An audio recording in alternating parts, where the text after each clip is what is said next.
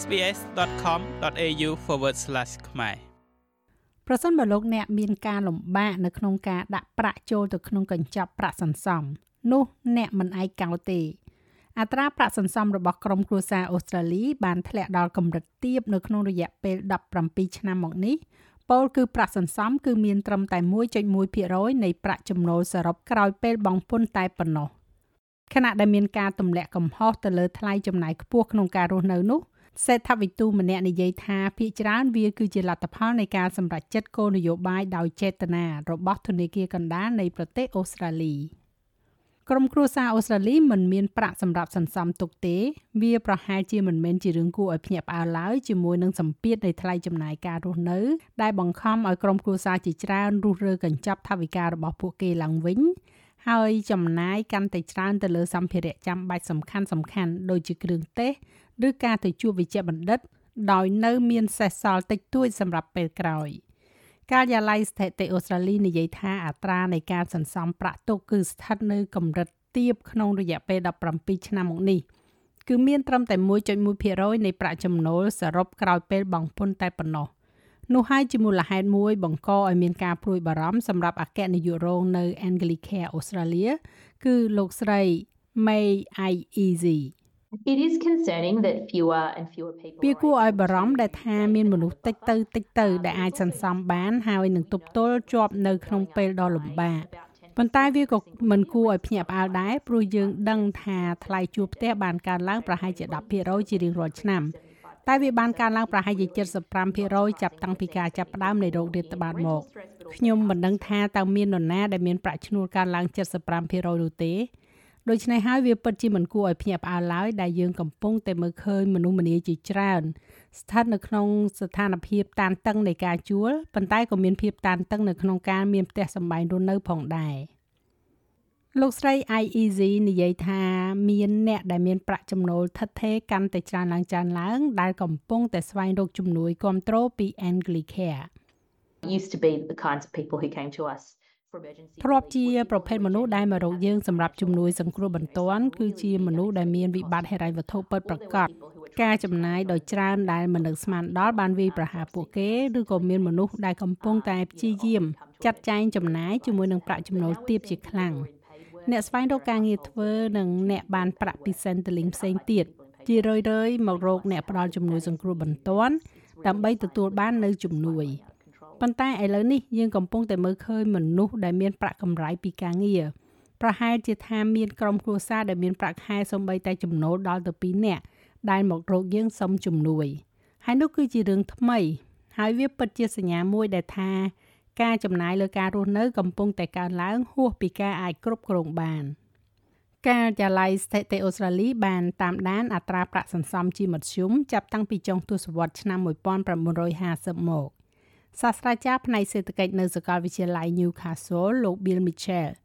មានប្រសាសន៍ថា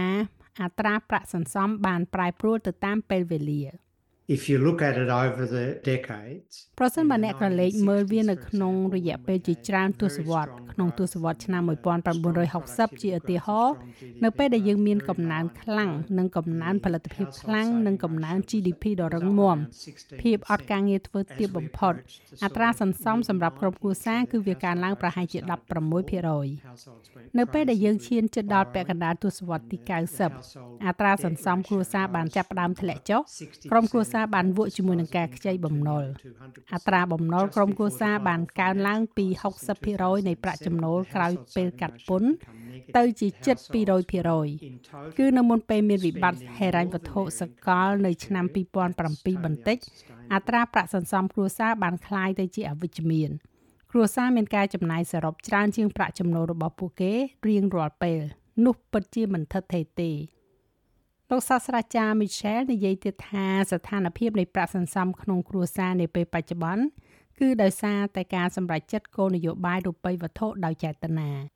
The the RBA has deliberately targeted ABA បានកំណត់គោលដៅដោយចេតនាទៅលើប្រាក់សន្សំក្នុងគ្រួសារពួកគេបាននិយាយបែបនេះនៅក្នុងរបាយការណ៍គោលនយោបាយហិរញ្ញវត្ថុរបស់ពួកគេថាពួកគេជឿថាពួកគេអាចជំរុញអត្រាការប្រាក់ឲ្យកើនឡើងដោយមិនធ្វើឲ្យសេដ្ឋកិច្ចដុនដាបទាំងស្រុងនោះទេពីព្រោះក្រុមគ្រួសារមានប្រាក់សន្សំជាគ្រឿងការពារកម្ចីទិញផ្ទះជាមធ្យមបានកើនឡើងប្រហែលជា52%ដែលជាការគម្រាមកំហែងដល់ក្រុមគ្រួសារដែលមានប្រាក់ចំណូលទាបគឺមធ្យោបាយដែលក្រុមគ្រួសារជាច្រើនបានសម្របតាមក្នុងនោះមួយផ្នែកគឺជ្រៀតចូលដល់ទ្រព្យសម្បត្តិហិរញ្ញវត្ថុរបស់ពួកគេដូច្នេះហើយបានជាអត្រាការសន្សំធ្លាក់ចុះដល់ជិត0ម្ដងទៀតហើយវាមិនថិតថេរទេតាមទស្សនៈរបស់ខ្ញុំហើយខ្ញុំយល់ឃើញថាវាគួរឲ្យស្អប់ខ្ពើមដែលគោលនយោបាយរបស់រដ្ឋាភិបាលពឹងផ្អែកដោយចេតនាទៅលើក្រុមគ្រួសារដែលបំផ្លាញទ្រព្យសម្បត្តិផ្ទាល់ខ្លួននិងអនាគតរបស់ពួកគេ និងសមត្ថភាពផ្ទាល់ខ្លួនរបស់ពួកគេក្នុងការគ្រប់គ្រងហានិភ័យដើម្បីជៀសវាងភាពតានតឹងផ្នែកនយោបាយពីគោលនយោបាយសេដ្ឋកិច្ចដ៏អាក្រក់សាស្ត្រាចារ្យ Michel មានប្រសាសន៍ថាការសម្រេចចិត្តនោះបានធ្វើឲ្យសេដ្ឋកិច្ចប្រឈមនឹងហានិភ័យ If households are highly indebted which they are ប្រសិនបើគ្រួសារជំពាក់បំណុលគេច្រើនពួកគេនៅសល់តិចតួចបំផុតនៅក្នុងអត្រាប្រាក់សន្សំរបស់ពួកគេបន្ទាប់មកមានការផ្លាស់ប្ដូរតិចតួចនៅក្នុងកាលៈទេសៈដូចជាអ្នករកប្រាក់ចំណូលទី2បាត់បង់ការងារឬក៏ម៉ោងធ្វើការត្រូវបានកាត់បន្ថយ បន្ទាប់មកផ្ទះទាំងនោះនឹងងាយរងគ្រោះមិនគួរឲ្យជឿហើយคล้ายទៅជាអ្នកខ្សែធនហើយប្រសិនបើពួកគេខ្សែធនពួកគេបាត់បង់ផ្ទះរបស់ពួកគេការកាត់បន្ថយការចំណាយដែលបង្ខំឲ្យពួកគេបន្ទាប់មកហូរចូលទៅក្នុងសេដ្ឋកិច្ចដែលនៅសល់ហើយអ្នកនឹងបញ្ចប់ដោយស្ថានភាពក្រក់ជាងអ្វីដែលអ្នកចង់បានចាប់តាំងពីការដំឡើងអត្រាការប្រាក់បានចាប់ផ្ដើមអត្រាប្រាក់សន្សំបានថយចុះធ្លាក់ចុះពីប្រហែល11%ក្នុងខែមិនិនាឆ្នាំ2022 មកនៅត្រឹមប្រហែលជា1%នៅថ្ងៃនេះអ្នកជំនាញផ្នែកហិរញ្ញវត្ថុផ្ទាល់ខ្លួន នៅក្រុមហ៊ុន Investment និងជាអ្នកនិពន្ធសៀវភៅ Real Girl Guide to Money លោកស្រី Effie Zaha និយាយថាទោះបីជាមានប្រាក់ចំណូលបន្ថែមបន្តិចបន្តួចដាក់ចូលក៏ដោយក៏ប្រជាជនអូស្ត្រាលីមិនពូកែខាងនេះដែរ ប្រជាជនអូស្ត្រាលីមានទំនោរប្រសើរឡើងនៅក្នុងការសងបំណុលរបស់ពួកគេជាជាងការសន្សំជាក់ស្ដែង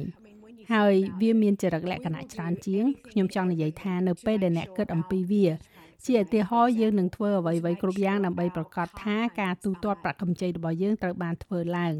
ឬដើម្បីប្រកាសថាការបង់ប្រាក់កម្ចីទិញរថយន្តរបស់យើងត្រូវបានសង លោកស្រីសាហោះនិយាយទៀតថាទោះបីជាវាពិបាកនៅក្នុងការចាប់ផ្ដើមក៏ដោយវាជារឿងសំខាន់សម្រាប់ក្រុមគ្រួសារនៅក្នុងការបង្កើតកញ្ចប់ប្រាក់សន្សំនៅពេលដែលពួកគេអាចធ្វើទៅបាន។ Right now it is hard for most Aussies to even think ឥឡូវនេះវាពិបាកសម្រាប់ប្រជាជនអូស្ត្រាលីភាគច្រើននៅក្នុងការគិតអំពីការបង្កើតកញ្ចប់ប្រាក់សន្សំយើងបានចំណាយពេល3ឆ្នាំចុងក្រោយនេះដកប្រាក់សន្សំរបស់យើងចេញមកអ្នកជំនាញភាគច្រើននិយាយថាអ្នកត្រូវការប្រាក់ដែលស្មើនឹងប្រាក់ខែរបស់អ្នក6ខែទុកក្នុងគណនីគ្រាអាសន្ននោះនឹងមិនកើតឡើងទេ ខ្ញុំមានន័យថានៅពេលអ្នកគិតអំពីវា នោះគឺរាប់ម៉ឺនដុល្លារខ្ញុំគិតថាវាពិតជាសំខាន់ណាស់នៅក្នុងការបំបែកវាជាតូចតូចហើយធ្វើអ្វីដែលគេស្គាល់ថាជាកញ្ចប់ថវិកាចាំបាច់ដូច្នេះពិតជាត្រូវសរសេរចេញមកនៅអ្វីជាកត្តាចាំបាច់ដែលអ្នកត្រូវចំណាយហើយដកអ្វីផ្សេងផ្សេងទៀតចេញគឺគ្រាន់តែទុករបស់ចាំបាច់តែប៉ុណ្ណោះហើយអ្នកនឹងទទួលបាននៅតួលេខ1ហើយបន្ទាប់មកគុណវាទៅនឹងរយៈពេលប៉ុន្មានដែលអ្នកគិតថា អ្នកនឹងនៅតែគ្មានការងារធ្វើនៅក្នុងឧស្សាហកម្មរបស់អ្នកសូម្បីតែ1000ដុល្លារនៅក្នុងមូលនិធិសង្គ្រោះបន្ទាន់គឺប្រសើរជាងជិះជាងគ្មានអ្វីទាល់តែសោះប៉ុន្តែនៅក្នុងរយៈពេលវែងវាមានសារៈសំខាន់ណាស់នៅក្នុងការបង្កើតកញ្ចប់ប្រាក់សន្សំសាស្ត្រាចារ្យ Williams មានប្រសាសន៍ថារដ្ឋាភិបាលត្រូវតែធ្វើបន្ថែមទៀតដើម្បីកែលម្អហេរញ្ញវត្ថុគ្រួសារដែលចាប់ផ្ដើមជាមួយនឹងការរក្សាមនុស្សឲ្យមានការងារធ្វើ។ you need to avoid unemployment so when the អ្នកត្រូវជៀសវាងភាពអត់ការងារធ្វើដូច្នេះនៅពេលដែលធនាគារកណ្ដាលកាលពីឆ្នាំមុនបាននិយាយថាពួកគេជឿថាពួកគេត្រូវតែដំឡើងអត្រាការប្រាក់ដើម្បីបង្ខំអត្រាអត់ការងារធ្វើកើនឡើងបញ្ឈប់ការចំណាយក្នុងគ្រួសារហើយពួកគេក៏និយាយថាវានឹងទៅបំផ្លាញប្រាក់សន្សំរបស់ក្រុមគ្រួសារនិងសមត្ថភាពសន្សំប្រាក់របស់ពួកគេរដ្ឋាភិបាលគួរតែរក្សាភាពអត់ការងារធ្វើឲ្យនៅកម្រិតទាបនេះតាមទស្សនៈរបស់ខ្ញុំ។ សាស្ត្រាចារ្យ William និយាយថាដរាបណាប្រាក់ឈ្នួលនៅត្រឹង គ្រួសារនឹងបន្តប្រឈមទៅនឹងការលំបាក For many years now, we've had really record low. អស់ជាច្រើនឆ្នាំមកនេះយើងពិតជាមានកំណើនប្រាក់ឈ្នួលទាបមែនទែនយើងបានឃើញការចែកចាយឡើងវិញនៃប្រាក់ចំណូលជាតិទៅកាន់ប្រាក់ចំណេញឥឡូវតើអ្វីនឹងផ្លាស់ប្ដូរនោះធ្វើឲ្យងាយស្រួលសម្រាប់បុគ្គលិកកម្មករនៅក្នុងការដំឡើងប្រាក់ខែតើអ្វីដែលបញ្ឈប់បុគ្គលិកកម្មករមិន ឲ្យទទួលបាននូវការដំឡើងប្រាក់ខែនោះគឺច្បាប់ទំនាក់ទំនងឧស្សាហកម្មដ៏គ្រោះថ្នាក់ផ្នត់កំណត់នោះត្រូវបានផ្លាស់ប្ដូរសម្រាប់ការកើនឡើងប្រកបដោយនិរន្តរភាព និងការតស៊ូនៅក្នុងអត្រាសន្សំដែលមានសុខភាពល្អរបាយការណ៍នេះចងក្រងឡើងដោយ Rania Yalup សម្រាប់ SBS News និងប្រាយសម្រួលសម្រាប់ការផ្សាយរបស់ SBS ខ្មែរដោយនាងខ្ញុំហៃសុផារ៉ានីចូលចិត្តអ្វីដែលអ្នកស្ដាប់នេះទេ Subscribe SBS ខ្មែរនៅលើ Podcast Player ដែលលោកអ្នកចូលចិត្ត